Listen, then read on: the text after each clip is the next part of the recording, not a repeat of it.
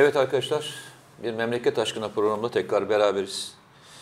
Haftanın ilk programında e, canlı olarak e, programımızı sunmaya çalıştık.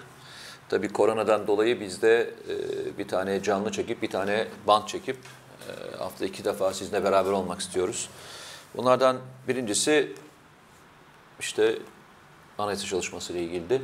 İkincisi bu hafta içerisinde bana çok soru soruldu. Yani arkadaşlardan onlarca defa mesaj geldi. Bu mesajların bir kısmı e, Putin'in açıklamaları, e, Dağlık Karabağ'daki son durum nedir?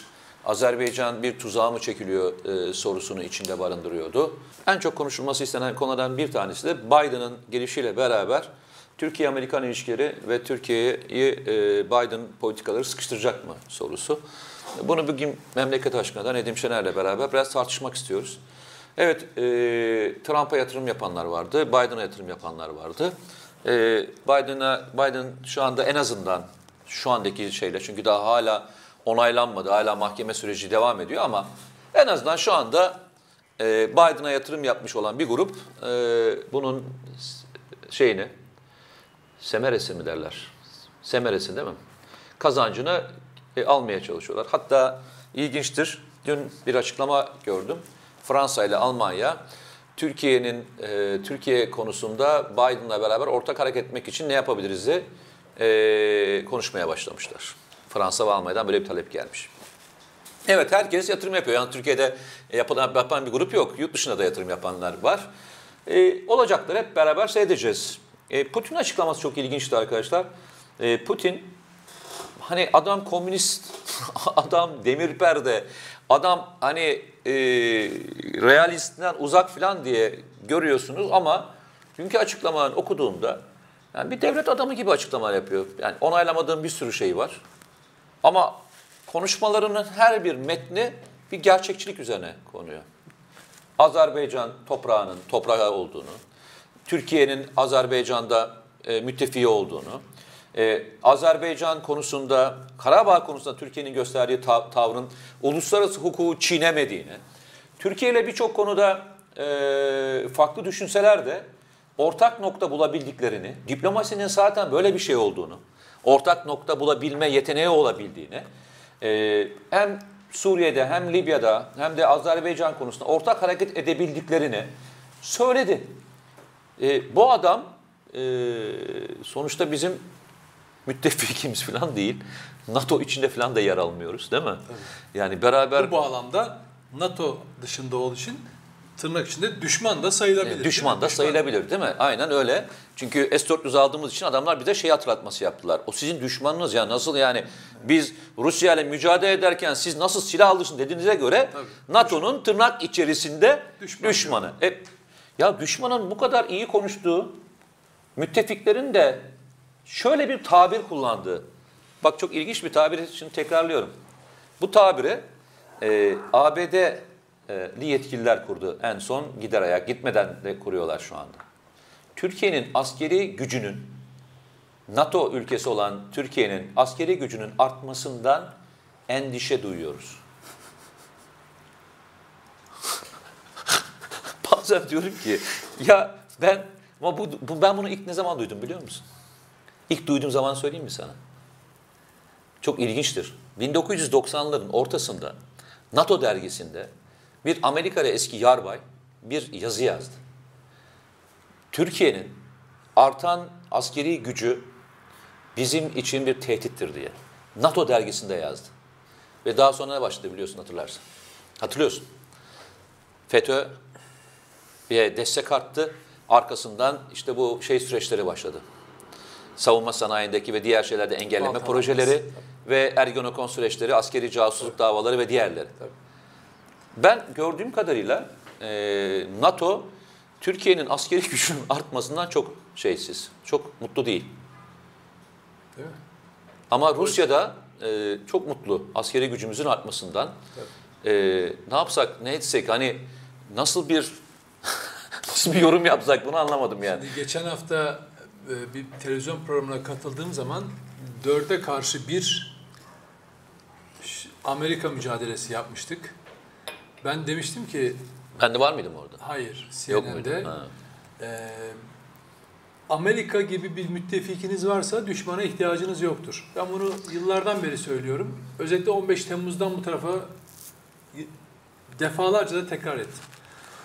Ee, hatta Amerika için terör de- destekçisi, e, haydut devlet.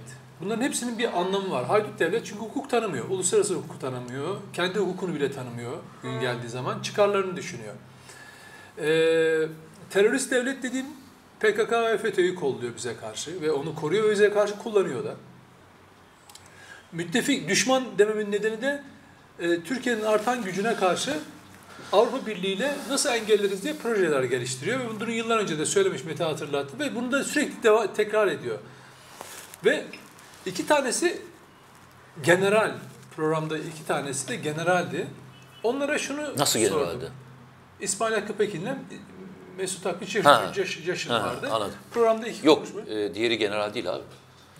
Değil mi? Mesut Hakkı Çeşin şey, e, albaydan emekli. Abi, tamam. Ama önemli pozisyonlarda e, görevler icra etmiş. Önemli yerlerde. Ben ikisinin deneyimine hitap ederek şunu sordum. Amerika ile yoğun ilişkiler 40'ların sonundan başlıyor. Ee, 60 darbesine kadar öyle devam ediyor. Şöyle yaptım. Dedim ki 40'ları 50'leri bırakalım. Ee, 60 darbesinin arkasında ve destekçisi e, şey vardı. Bunu şöyle diyeceksiniz. Bakın ya nasıl olur? Nasıl destekler falan. Eğer o darbe girişimine Amerika Birleşik Devletleri karşı çıksaydı ne o darbe başarılı olurdu ne ondan sonrakiler cesaret edebilirlerdi. Dolayısıyla darbenin bir iç siyasetteki değişiklik enstrüman olarak kullanılması Amerika'nın çok işine yarayan bir şey. Çünkü bunu dünyanın her yerinde 400'e yakın e, darbe ger 430 civarında darbe gerçekleşti dünya tarihinde ve bunun 236'sı başarılı sonuçlandı ve hep arkasında e, şey vardı. Amerika'nın desteği vardı. Onun onaylamadığı Geri darbe- kalan da geri kalan da Fransa biliyorsun. Ben- yani Afrika'dakilerin Evet. kısmını da Fransa yani, yapıyor. Ve şey, e, onaylamadığı darbeler gerçekleşmiyor. Şimdi dedim ki şunu sordum. Bakın Amerika o süreçten sonra bütün darbelerin arkasında var. E, 71 muhtırasının arkasında da var. 12 Eylül'ün arkasında da var. 28 Şubat'ın arkasında var. 15 Temmuz'un arkasında da var. Soldan sağdan gençlerimiz asılırken yine arkasında onlar var. De, e, so- sosyalist gençler infaz edilirken arkasında onlar var. Çünkü CIA'nin e, kullandığı bir aparattı o tarihlerde e, istihbarat örgütü. Onların operasyonlarıyla kimlerin nerelerde infaz edildiği, kimlerin dar ağaçlarına asıldığını herkes biliyor. Hem soldan hem sağdan. Türkiye Kıbrıs Barış Harekatı'nda meşru bir e, müdafaya giriştiği zaman ilk ambargoyu koyan, e, haşhaş üretimine karşı ilk ambargoyu koyan, bizim savaş gemilerimizi batıran kaza süsü vererek e, ve o yıllardan başlayarak terör örgütlerini destekleyen Türkiye'ye karşı bir müttefikten bahsediyoruz. Ve hiçbir zaman da yanımızda olmadı. Bütün bu süreçlerde ne zaman mesela ne zaman yanımızda oldu? Rusya ile Küba krizi, krizi sırasında Türkiye'ye füzeleri göndermek. Veya İran'da e, İslami devrim olunca ona karşı füze, uçak göndermek, fantomları göndermek. Yani hep böyle kritik zamanlarda kullanmadığı enstrümanları bize e, vererek güya müttefik olduğunu falan gösteriyor. İşte hurdaya çıkmış gemilerini vererek bazı anlarda falan güya destek olduğunu söylüyor. Ama buna karşılık gemilerimizi batırıp askerlerimizi şehit ediyor. Şimdi ve dünyada ve içeride bakın dünyada ve içeride Amerika'nın kullandığı bir kavram vardır. Amerika'nın çıkarları. Onu söyledim. Dedim ki bakın dünyaya adam herhangi bir operasyon yapacağı zaman Amerika'nın çıkarları bunu gerektiriyor derler. Çok ilginç. Türkiye'de de Amerikan etki ajanları da bu kavramı çok kullanırlar. Amerika'nın çıkarları. Yani adam işte çıkarları için çalışıyor kardeşim. Tabii Orta Doğu'da bilmem ne çıkarlar. Bunu çıkar dediği ne biliyor musunuz? Ülkeleri bölmek, petrol kaynaklarına e, nüfuz etmek, o ülkenin kaynaklarını sömürmek. Amerika'nın çıkarları bu. Bunun önüne engel olan kim varsa bugünlerde Türkiye mesela onu yıkmak. Eğer hükümetse onu devirmek için uğraşıyor. Peki Türkiye ne yapıyor? Türkiye hakları için mücadele ediyor. Bakın çıkarları için değil. Şimdi mesela benim çıkarım örneğin bu, bu İstanbul Üsküdar'da olan bu binayı ele geçirmek. Benim çıkarıma. Yani Diyorum ki böyle bir evde, de- boğaza nazır bir yerde böyle bir daire var. Ben buraya gideceğim, işgal edeceğim. Bu benim çıkarıma. Peki bu Hatta hatta işgal etmeyeceğim. İçeridekini birisini ayarlayacağım. O salak da bana anahtarı verecek. Ben onu da kapının dışına koyacağım. Koyacağım. Yani ben de uğraşmayacağım Evet. yani. Öyle de şey. Benim İçeride için- öyle bir salak var çünkü diyeceksin. Tabii, bu, burası, burayı, bu evi işgal etmek, bu daireyi işgal etmek benim çıkarıma kardeşim. Peki hukuki mi? Diyelim ki METE'ye yetki verdiler. METE Türkiye'deki kim nereye işgal edeceğine dair bir kanun çıktı. METE bu meşru, aldığı bu kanun yetkisiyle Nedim'e dedi ki Nedim sen de git şu daireyi işgal et. Hukuk. Peki hukuki ve e, e, hakkı şeyi hukuken buraya el koydum. İşgalci oldum. Peki hak mı? Yani bizim yazılı olmayan, e, hiçbir yerde kanun maddesi olarak geçmeyen, He- Her hukuki şey Tabii, istiyorum. şey midir? Yasal Tabii. ve legal midir? me- meşruiyet kazandı mı? Mete bana o yetkiyi de verdi. Geldim ben de işgal ettim. Peki bu hak mı? Bu dairenin gerçek sahibinin hakkı nerede? Dolayısıyla Amerika kendince bir hukuk düzeni üzerinden haydutça bir meşruiyet devşiriyor ve Türkiye sadece haklarını kullandığı için işte Mete'nin örnek verdiği gibi Pompeo en son ne diyor? Amerika ile şey Avrupa Birliği ile beraber diyor Türkiye'nin gücünü sınırlamayız. Şimdi o yüzden söylüyorum Amerika gibi bir düşmanınız varsa şey e, müttefikiniz varsa gerçekten düşmana ihtiyacınız yok. Avrupa Birliği onun yancısı, yanı, yanındaki e, güç. Türkiye'nin asıl korktukları ne biliyor musunuz? Türklerin artan askeri gücü bizi tedirgin ediyor, kaygılandırıyor. Tabii eder. Hayır. Eder. Neden eder? O cümleyi şöyle kuracaklar Ee, aslında. Dost, Dost Azerbaycan'ın yıllarca e, MIS grubuyla beraber legalleştirdiği e, işgale son Statükoyu verdiği için. son verdi. Tabii. Şimdi diyor ki Türkiye'nin artan askeri gücü bizi kaygılandırıyor. Önlem almamız lazım. Hayır. Türklerin yükselen cesareti sizi kaygılandırıyor. Çünkü Türkler İHA'yı SİHA'yı bugün yapıyor ama yürek her zaman vardı. Kurtuluş Savaşı'nda da vardı. Ee, şeyde e, Kıbrıs Barış Harekatı'nda vardı ve bu ülkeyi sizin işgalinizden 100 yıl önce kurtardı. Sizin korktuğunuz Türklerin o özgüven kazanması. O yüzden o korkuya devam edin. O korkuyu da eğer bu şey düz- e, bozulmazsa bu ahenk, devletin işleyişindeki bu ahenk, o korku çok daha büyüyecek.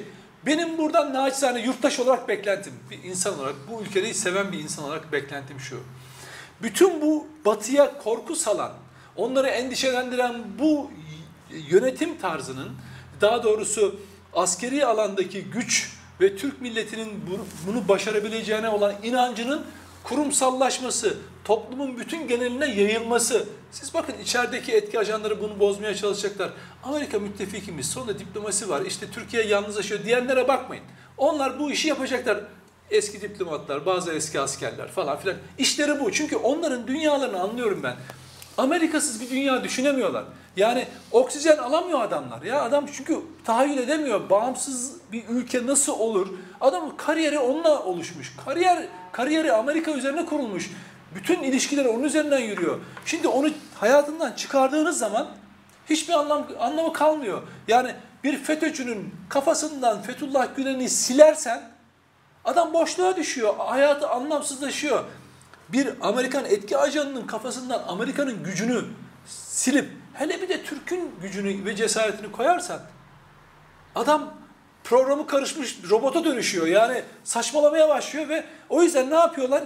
Türkiye'yi tekrar bakın oluşturulmak istenen siyasi kompozisyon bu deminden e, daha önceki programda konuştuğumuz anayasa taslağı işte özellik Atatürk'ün isminin çıkarılması, Türk milletinin çıkarılması, çift dilli eğitim gibi konuların gündeme getirilmesi neden? Tekrar o raya oturtmak istiyorlar. Bütün etki ajanları, bütün medyası, vakıfı, ocu, osu busu fonları devreye girmiş. Türkiye'yi tekrar o Amerikan çizgisine oturtmak istiyorlar. Amerika diyor ki Avrupa'ya biz Türkiye'nin gücünü e, sınırlamak için ortak mücadele etmeliyiz. Vallahi de billahi de yaparsınız. İçeride etki ajanlarınız var. Başarılı da olabilirsiniz belki. Ama bir Türk milletinin yükselen bir cesareti var. Yükselen bir enerjisi var. Onu nasıl durduracaksınız onu ben bilemiyorum. Yani o çünkü kolay kolay zapt edilecek bir şey değil. Dolayısıyla hani e, Ru- Rusya meselesinden geldik buna. Rusya da bizim ebedi düşmanımız. İran ebedi düşmanımız. Onu kıyaslamasını yaptım o programda. Dedim ki ya bize hep Rusya, İran, şu bu falan düşman gösterildi.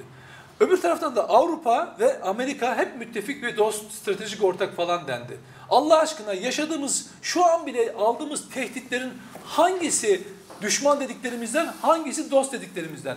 Bugün Almanya'sı, Fransa'sı, Amerika'sı oturmuşlar Türkiye'yi nasıl engelleriz, nasıl sınırlarız, Doğu Akdeniz'de, Ege'de nasıl e, e, haklarını, haklarından mahrum ederiz, Orta Asya'da, Afrika'da, Libya'da, Suriye'de Türkiye'yi nasıl def ederiz, o haklarını korumasından nasıl mahrum ederiz diye uğraşırken öbür taraftan bakıyorsunuz Putin diyor ki Türkiye'nin hakları var, şusu var, busu var, ittifak, müttefik ilişkisi var. Katılmıyoruz ama şöyle böyle bir denge gidiyor. Ve ben umarım, daha önce de yazdım ve söyledim. Umarım Rusya ile kurulan bu işbirliği ya da bu e, uyumlu olunan konulardaki işbirliği Suriye'de meselenin çözülmesine kadar varır. Beklentim o, bunu da yazdım. Ya Esad'la dolaylı olarak görüşmek dahil olmak üzere hem Türkiye'deki göçmenler sorununu, oradan buraya gelmiş olan misafir göçmenler sorununu halledecek, hem de Suriye'nin toprak bütünlüğünün bozulmaması bağlamında sorunun çözümü kolaylaşabilir. Çünkü Azerbaycan bunun bir laboratuvarı oldu. Azerbaycan, Ermenistan, Karabağ toprağının e, tekrar e, Azerbaycan yönetimine geçmesi çoğunlukla ve oradaki bir uyum, Azerbaycan, Türkiye, Rusya uyumu belli ki Suriye topraklarına taşınır.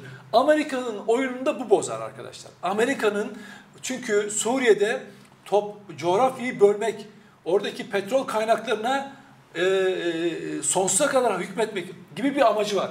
Bunu engellemenin yolu Rusya, Türkiye'nin İran'la beraber ki bunu Putin de söylüyor, e, beraber işbirliği yapması, e, mültecilerin geri dönmesi, Esad yönetiminin ülke geneline hakim olmasından geçiyor ve bunun da mekanizması neyse bunun kurulmasının çok yararlı olacağını düşünüyorum ve oraya doğru sürecin devam edeceğini tahmin ediyorum. Sana şöyle söyleyeyim. Ee, kendi üzerimizden örnekler verdiğimizde çok anlamıyoruz bazen ama ben hep e, bu coğrafyaya yakın çok e, deşifre olmuş bir darbeyi anlatarak hep örnekler vermeye çalışıyorum. Bunlardan bir tanesi de 1953 yılındaki e, İran Başbakanı e, Mutasır'ın e, devrilmesi. Musattık'ın. Devrilmesi. Yani düşünsene herif 1951 yılında çoğunlukla şeye giriyor, meclise giriyor, başbakan oluyor ve ilk yaptığı iş bugünkü BP'nin o zamanki e, adıyla e, petrol şirketinin millileştirmesine. Arkasından plan yapıyor MI6. Diyor ki devireceğiz biz bunu.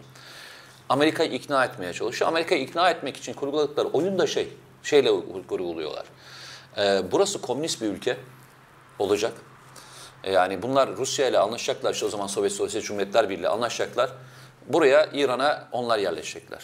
Ne yapacağız? Darbe yapmalıyız, bunu devirmeliyiz. Darbeyi de e, ikna etmek için o zaman işte Rıza Şah Pehlevi var. Onu ikna etmekle ilgili e, görevi kime veriyorlar biliyor musun? Ele geçiriyorlar paralarla. Şah'ın kız kardeşi. Sonra ne yapıyorlar? E, deriz ya en yakınlara çok hani e, sızan e, çünkü onları kandırırlar. Arkasından bir buçuk milyon sterline yakın rüşvet dağıtıyorlar şeyde. Mecliste şeylere. Sonra ne yapıyorlar biliyor musun? Ee, bir miktar asker satın alıyorlar. İlk darbenin yapılacağı saatte Tahran'daki kritik yerleri alabilmesi için. Sonra sahte bir örgüt yaratıyorlar. Tahran'da komünist eylemler yapmaları için. Daha sonra gazetecileri satın alıyorlar. Onlara para veriyorlar. Devamlı komünizm tehlikesini anlatabilmesi için. Hatta adam diyor ki bir gün şey e, başbakan ya diyor bizim diyor komünistlerle ne alakamız olabilir diyor. Yani beni niye komünistler e, sokaklarda eylem yapsınlar benim için diyor. Yani ben hani komünist değilim şey değilim yani niye yapsınlar? Aynı şeydeki gibi, e, Şili'deki darbedeki gibi. Biliyorsun adama e, komünist darbesi e, diye yapıyorlar. Komünistler adama e, adamı engelleyecek olan faaliyetler sürdürüyorlar. Koca bir ülkede MI6'in raporlarında koca bir ülkede darbe kaça mal oluyor biliyor musun? Amerika ve İngiltere'ye. O zamanın parasıyla 1950'lerde. 700 bin sterline mal oluyor. Diyor ki Şaşırdık biliyor musunuz diyor. Biz diyor 10 milyon dolar falan harcayacağımızı düşünüyorduk. 700 bin sterline halledince sorduk diyor hani e, yani bu parayı niye harcayamadınız? Birçok hain diyor. Direkt parasız bu işi yaptı diyor. Bak parasız yaptı diyor. Yani yalnızca İngiliz severliğinden, yalnızca bu yalanlara inandığı için diyor. Hiç para vermeden ele geçirdik diyor birçoğunu. Cebimizde diyor yaklaşık işte ayırdığımız paranın diyor onda biriyle bu işi bitirebildik. Şimdi senin anlattığın hikayenin içerisinde bugün de konuştuğumuz hani etki ajanları dediğimiz şey yalnızca kendi içimizden konuştuğunda çok anlaşılmıyor. Şöyle başka bir örnekten verelim bakalım. Bu örneğin içerisinde bunları yapabilmek için hep kullanılan aynı aktörler. Amerika Birleşik Devletleri Avrupa Birliği ısrarla ne diyor? Türkiye'de her şeyi keseceğiz ama bir şeyi kesmeyeceğiz diyor. Ne diyor? Sivil toplum örgütlerine ve e, medya organlarına aktardığımız paraları kesmeyeceğiz. Hatta bir rapor yayınlıyor. Bu adamlara diyor o kadar çok para verdik ama diyor hala izlenmiyorlar, hala seyredilmiyorlar. Bunların diyor doğru iş yaptığını düşünmüyoruz diyor. Şimdi sen düşünsene bir sivil toplum örgütünün reytingi e, yardım kuruluşunun için ilgilendirsin. Yani sen sen ilgilenir misin? Yani çok takip edilmiyor diye e, problem yapar mısın? Benim bildiğim insan hakları denen evrensel şeyde eğer onu savunmak istiyorsan bir kişi için bile para aktarırsın değil mi? Evet. Adamın derdinin şey olmadığını anlıyoruz. Demek ki e, Türkiye'de toplumsal anlamda bir uyanış olması istediğini anlamıyoruz. Başka bir şey anlıyoruz. Çünkü reytingini ölçüyorsa, o kuruluşların izlenebilirliğini ölçüyorsa ve istediğimiz yere hala gelemediler, muhalefeti hala dizar edemediler diyorlarsa o zaman bu e, verilen kaynakların Türkiye'de ben soruşturulması gerektiğini düşünüyorum hala. Nedense soruşturmuyor. Ben de ben de onu anlamış değilim. Hala ben de bunu anlamış değilim yani. Bu para bu kadar rahat nasıl gelebiliyor? Nasıl e, harcanıyor?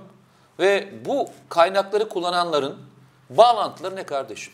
Ben de çok merak ediyorum. Bir sade vatandaş olarak. Merak ediyorum. Bu angajmanlar niye kardeşim? Ve adam senin hakkında yani muhalefeti dizayn edemiyorsun. Yeteri kadar reyting alamıyorsun diye yazı yazdığında mesela birinizden çıkıp da biriniz niye şey demiyorsunuz? Sen kimsin kardeşim ya? Benim e, reytingim seni ne ilgilendiriyor Amerika Birleşik Devletleri veya Avrupa Birliği olarak? Yani ben e, gerekirse bir kişi için haklı mücadelemi devam ederim falan niye demiyorsun? Mesela ben hiç para almıyorum falan niye demiyorsun mesela hiç açıklama yapmıyorsun? Biz devamlı bir kabir şöyle bir şey kullanıyoruz. Sorosçular diyoruz değil mi? Sorosçular. Mesela ben soruyorum bu Sorosçular kim abi Türkiye'de? Biliyor musun sen Sorosçuları isim isim? Yani kimlerden para alıyor? Kimlerden geliyor? Ne oluyor biliyor muyuz? Açıklayamıyor muyuz? Bunları e, toplumun bilmesi e, gerekmiyor mu? Türkiye'de yurt dışından gelen paralar hangi vakıflara? Bu, bu şeffaflığı sağlayamıyor muyuz biz? Yani bu şey mi? Var aslında. Kötü bir şey mi? Zaman zaman yayınlanıyor Hayır ama... niye yayın biz e, bunu şey yapmıyoruz? Şey, şey, hayır, bununla ilgili çok fazla sayıda yayın var. Davalar var, soruşturmalar var. İlginç olan şey şu. Her konuda yazı yazıp işte efendim e, görüş belirten, yorum yapan, ortalığı parçalayan bu kurumlar ve bu kuruluşlar bunu reddetmiyorlar. Onu diyorum Hatta, işte. Bak son zamanlarda çok ilginç bir yöntem var. Bunu insan gözlemledikçe öğreniyor. Bu siyasi parti liderlerinde var. Bir iddia varsa bunu tart, bunun buna cevap vermediğin zaman olay kendiliğinden sönümleniyor. Çünkü şunu biliyorlar. En fazla iki gün sürer tartışma. Başka bir mevzu gelecek nasıl diyor? Şey, Twitter'da bir e, şey var ya. Ne? E, mesela sen bir şeyi şikayet ettiğin zaman mesela hakaret etti sana değil mi? Ya da bir iddiada bunu diyorsun ki burada itham var, hakaret var falan diyor. Diyor ki e, işte şu şu seçenekleri kullanın diyor. Bir, cüm, bir, bir seçeneklerine mesela ama asla cevap vermeyin diyor. Karşı tarafı bu tahrik eder diyor. Şimdi öyle bir tuşları var bunların. Diyor ki ben buna cevap vermezsem bu bir mekanizma. Nasıl olsa bu tartışılmaz. O yüzden tartışmıyor. Yoksa biliniyor. Alan da biliyor, veren de biliyor, kamuoyu da gözlemliyor. Ama adamların en büyük taktiği böyle bir şey yokmuş gibi davranmak. Bak anayasa tartışması konusunda da hep böyle topu taç atmak. Nereden çıktı canım? Saçma sapan laflar bunlar. Hadi iyi günler. Bitti. Çünkü taraftarlık, o yandaşlık böyle bir şeydir. Hakikatten kopmak böyle bir şeydir. Şey, o medya kuruluşları. Ya adam diyoruz ki bak şu hesap, şu hesap sosyal medyada 50 bin, 100 bin daha da fazla takipçisi var. Açık açık FETÖ'cü. Hatta FETÖ'cülüğü ispatlanmış, ifadeler de geçmiş, yakalanmış, itiraf da etmiş. Takipten Ama vazgeçmiyor. yine tabii. Hayır, takip ediyor bir de RT'liyor. Tabii aynen. Yani şimdi bu ne, bu artık kasta girer. Yani diyor ki sen ne anlatırsan anlat Mete. Sen senin söylediğin hakikatin benim hiç önemim önemi yok bende. Ben işim o yalan benim işime yarıyor mu yaramıyor mu ona bakarım diyor ya. Adam yarıyor diyor. Basıyor RT'yi olay büyüsün. Maksat o yani. Azerbaycan konusunda da birkaç kelime sarf edip e, bu şeyde e, videoyu da bitirelim arkadaşlar. Azerbaycan e, bu süreç işte barış gücünün gelmesi ve diğer süreçler tartışmaya açık bir süreç. E, Rusya'nın e, Karabağ bölgesine girmesi ve burada yaşanacak biraz süreçte içinde belirsizlik olduğunu söyleyen arkadaşlar var. Ben de katılıyorum. Evet bir belirsizlik var. Ama belirgin olan bir şey var. Azerbaycan eski Azerbaycan değil. Yani 1990'larda eee, bu bölgede bölgeden çıkan Azerbaycan değil. Askeriyle, teknolojisiyle, toplumuyla bir devlet devletin nasıl olduğunu herkese gösterdi. Bundan sonra hiçbir şey eskisi gibi olmayacak arkadaşlar. Onu söyleyelim. Bu nedenle eee, bu sürecin içerisindeki belirsizliklerin ortadan kaldırılacağı en önemli aktör Azerbaycan devletinin bundan sonra izleyeceği yol olacak. İyi yoldalar. Ee, kardeş bir devlet olarak e, muazzam ilerliyorlar. Ee, ben hem askerlerinin e, sahada yaptıkları konusunda bilgi sahibi olduğum için bunu net olarak söyleyebilirim. Hem de bütün muhalefet olarak birleşip bu konuda Azerbaycan arka durdukları için söyleyebilirim. Bundan sonraki süreçler e, diplomatik anlamda zor geçecek gibi gözükse de e, Azerbaycan'ın kararlılığı bundan sonraki sorunların tamamını çözmeye yeterli olacaktır. İleri gider, geri gelir. 15 gün daha e, geç çıkabilirler. Ama sonunda eğer bu süreç ilerlemezse Putin'in dediği gibi Azerbaycan bunu silah gücüyle bölgedeki bütün e, aktif olan alanları ele geçirecektir. E, ister barışla, ister savaşla. E, Azerbaycan bu ikisini de yapmaya muktedir olduğunu düşünüyorum. Artı Aliyevi başka bir şey için daha tebrik ediyorum. Helal olsun. Bu Batı medyasının eee kendilerine gelip üstünlük taslayacak olan konuşmalarında ağızlarının payını verdiği için tebrik ediyorum. Tamam mı? Her birinde çok doğru zamanlarda, çok doğru. Çünkü ne soracağını bilemiyorsunuz. O doğru sorulara çok zeki bir şekilde, değil mi? Tabii, tabii. Çok zeki bir şekilde. Çünkü durup tekrar cevap vermiyor. Çekim sırasında anında cevap veriyor. Helal olsun. Hem uluslararası e, durumu tespit etmiş, hem gerçeği Şey, tespit etmiş. Şunu gösteriyor. Yani şahsen ilgisi yanında e, ciddi dersini iyi çalışan bir danışman ekibi olduğunu gösteriyor. Aynen. Böyle bir gelebilecek bir soruya karşılık kime hangi cevabı verebileceğini bilmek çok önemli. Yoksa e, e, soru yöneltildiğinde onu alıp cevaplamaya da başlayabilir veya işte kendini savunmaya geçebilirdi. Ama ne yapıyor? Direkt karşıdaki soru soranın kaynağına bağlı olarak diyor ki onu suçluyor. Yani siz hiçbir zaman hakikatin yanında yer olmadınız. Aynen. Şu şu şu örnekleri vererek hatta daha vermediği örnekler var. Yani oradaki The Sun gazetesinin işte e, bilgisayarlarının çekişlerle ezilip kesildiği, yok edildiği e, çünkü belge devlete dair gizli belgeler yayınlıyorlar ve devlet gitti orada gazetenin deposunda bilgisayarların hard disklerini kırdı. Görüntüleri var bunun. Yani devlet güvenliğini ilgilendiren bir konuda yayın yapamazsın diye ve kimsenin de gıkı çıkmadı bu konuda. Nitekim e, bir İngiliz gazeteci Can Dündar'a e, röportajda söylüyor. Yani bu diyor sizin diyor e, Yayınladığınız belgeyi ben burada yayınlamış olsaydım bitmiştim diyor. tabii yani e, şey yaparlar, hapse atarlar diyor. Bu devlet suçudur, casusluğa girer falan filan diyor. Yani e, helal, helal olsun, helal olsun. E, yalnızca askeri anlamda bir başarı değil, aynı zamanda iyi diplomatlar, iyi diplomasiyi kullanıyorlar. E, toplumsal refleksleri çok doğru. E, Allah yoldan açık etsin. E, Tatar e, Sayın Cumhurbaşkanı, Kıbrıs e, Türk Cumhuriyeti Cumhurbaşkanı'nı davet ettiler. İnşallah oradan da güzel bir haber çıkar diye düşünüyorum. Geçen gün e, bir E, programda da söyledim, burada da söylemeyi istiyorum. Geçen gün birisi yazmış, çok da mutlu oldum. Kuzey Kıbrıs Türk Cumhuriyeti diyoruz biz. Ama öbür taraf Kıbrıs devleti diye söylüyor. Biz niye kuzeyiz arkadaş? Yani bence diyor kuzeyin lafının kaldırılması gerekiyor. Kıbrıs Türk Cumhuriyeti bitmiştir. Kuzey muzey diye kendimizi sınırlamamıza gerek yok. Gerçekten de bir isim değişikliğine ihtiyaç var. Arkadaş e, her türlü konuda aktif olmadığımız müddetçe, statüküyü koruyan konuların üstüne gitmediğimiz müddetçe biz bu işleri çözemeyiz. Karabağ sorunu da böyle, Maraş sorunu da böyle, Kıbrıs sorunu da böyle, Doğu Akdeniz'de böyle, e, işte petrol araması da böyle, e, Kandil bölgesindeki operasyon da böyle, Suriye'de böyle. Hakkını aradığın her yerde alıyorsun kardeşim. Tamam. Hakkını ara- aramadığın, statükü yaratan bütün konularda senin aleyhine dönüşüyor. İnşallah arkadaşlar ben önümüzdeki dönemin her türlü konuda kendi içimizde bir hata yapmadığımız müddetçe, kendi içimizde bazı Biden'cılar, Trump'çılar gibi bölünmeler yapmadığımız müddetçe ben sonumuzun hak olduğunu, inşallah Türkiye Cumhuriyeti Devleti'nin e, istediği yere hem ekonomik hem de e, siyasal anlamda gelebileceğini düşünüyorum. Ama bir kez daha söylüyorum, e, bizim bakacağımız ışığımız Amerika Birleşik Devletleri'nin bize ne söyleyeceği değil, bizim Amerika Birleşik Devletleri'ne ne cevap vereceğimizle ilgilidir. E, bu ışıktan vazgeçmediğimiz müddetçe e, sonumuzun da doğru yol olduğunu düşünüyorum. Kendinize çok iyi bakın. E, tekrar görüşmek üzere diyorum. Lütfen e, YouTube'a üye olmayı unutmayın. Arkadaşlarınıza tavsiye etmeyi unutmayın.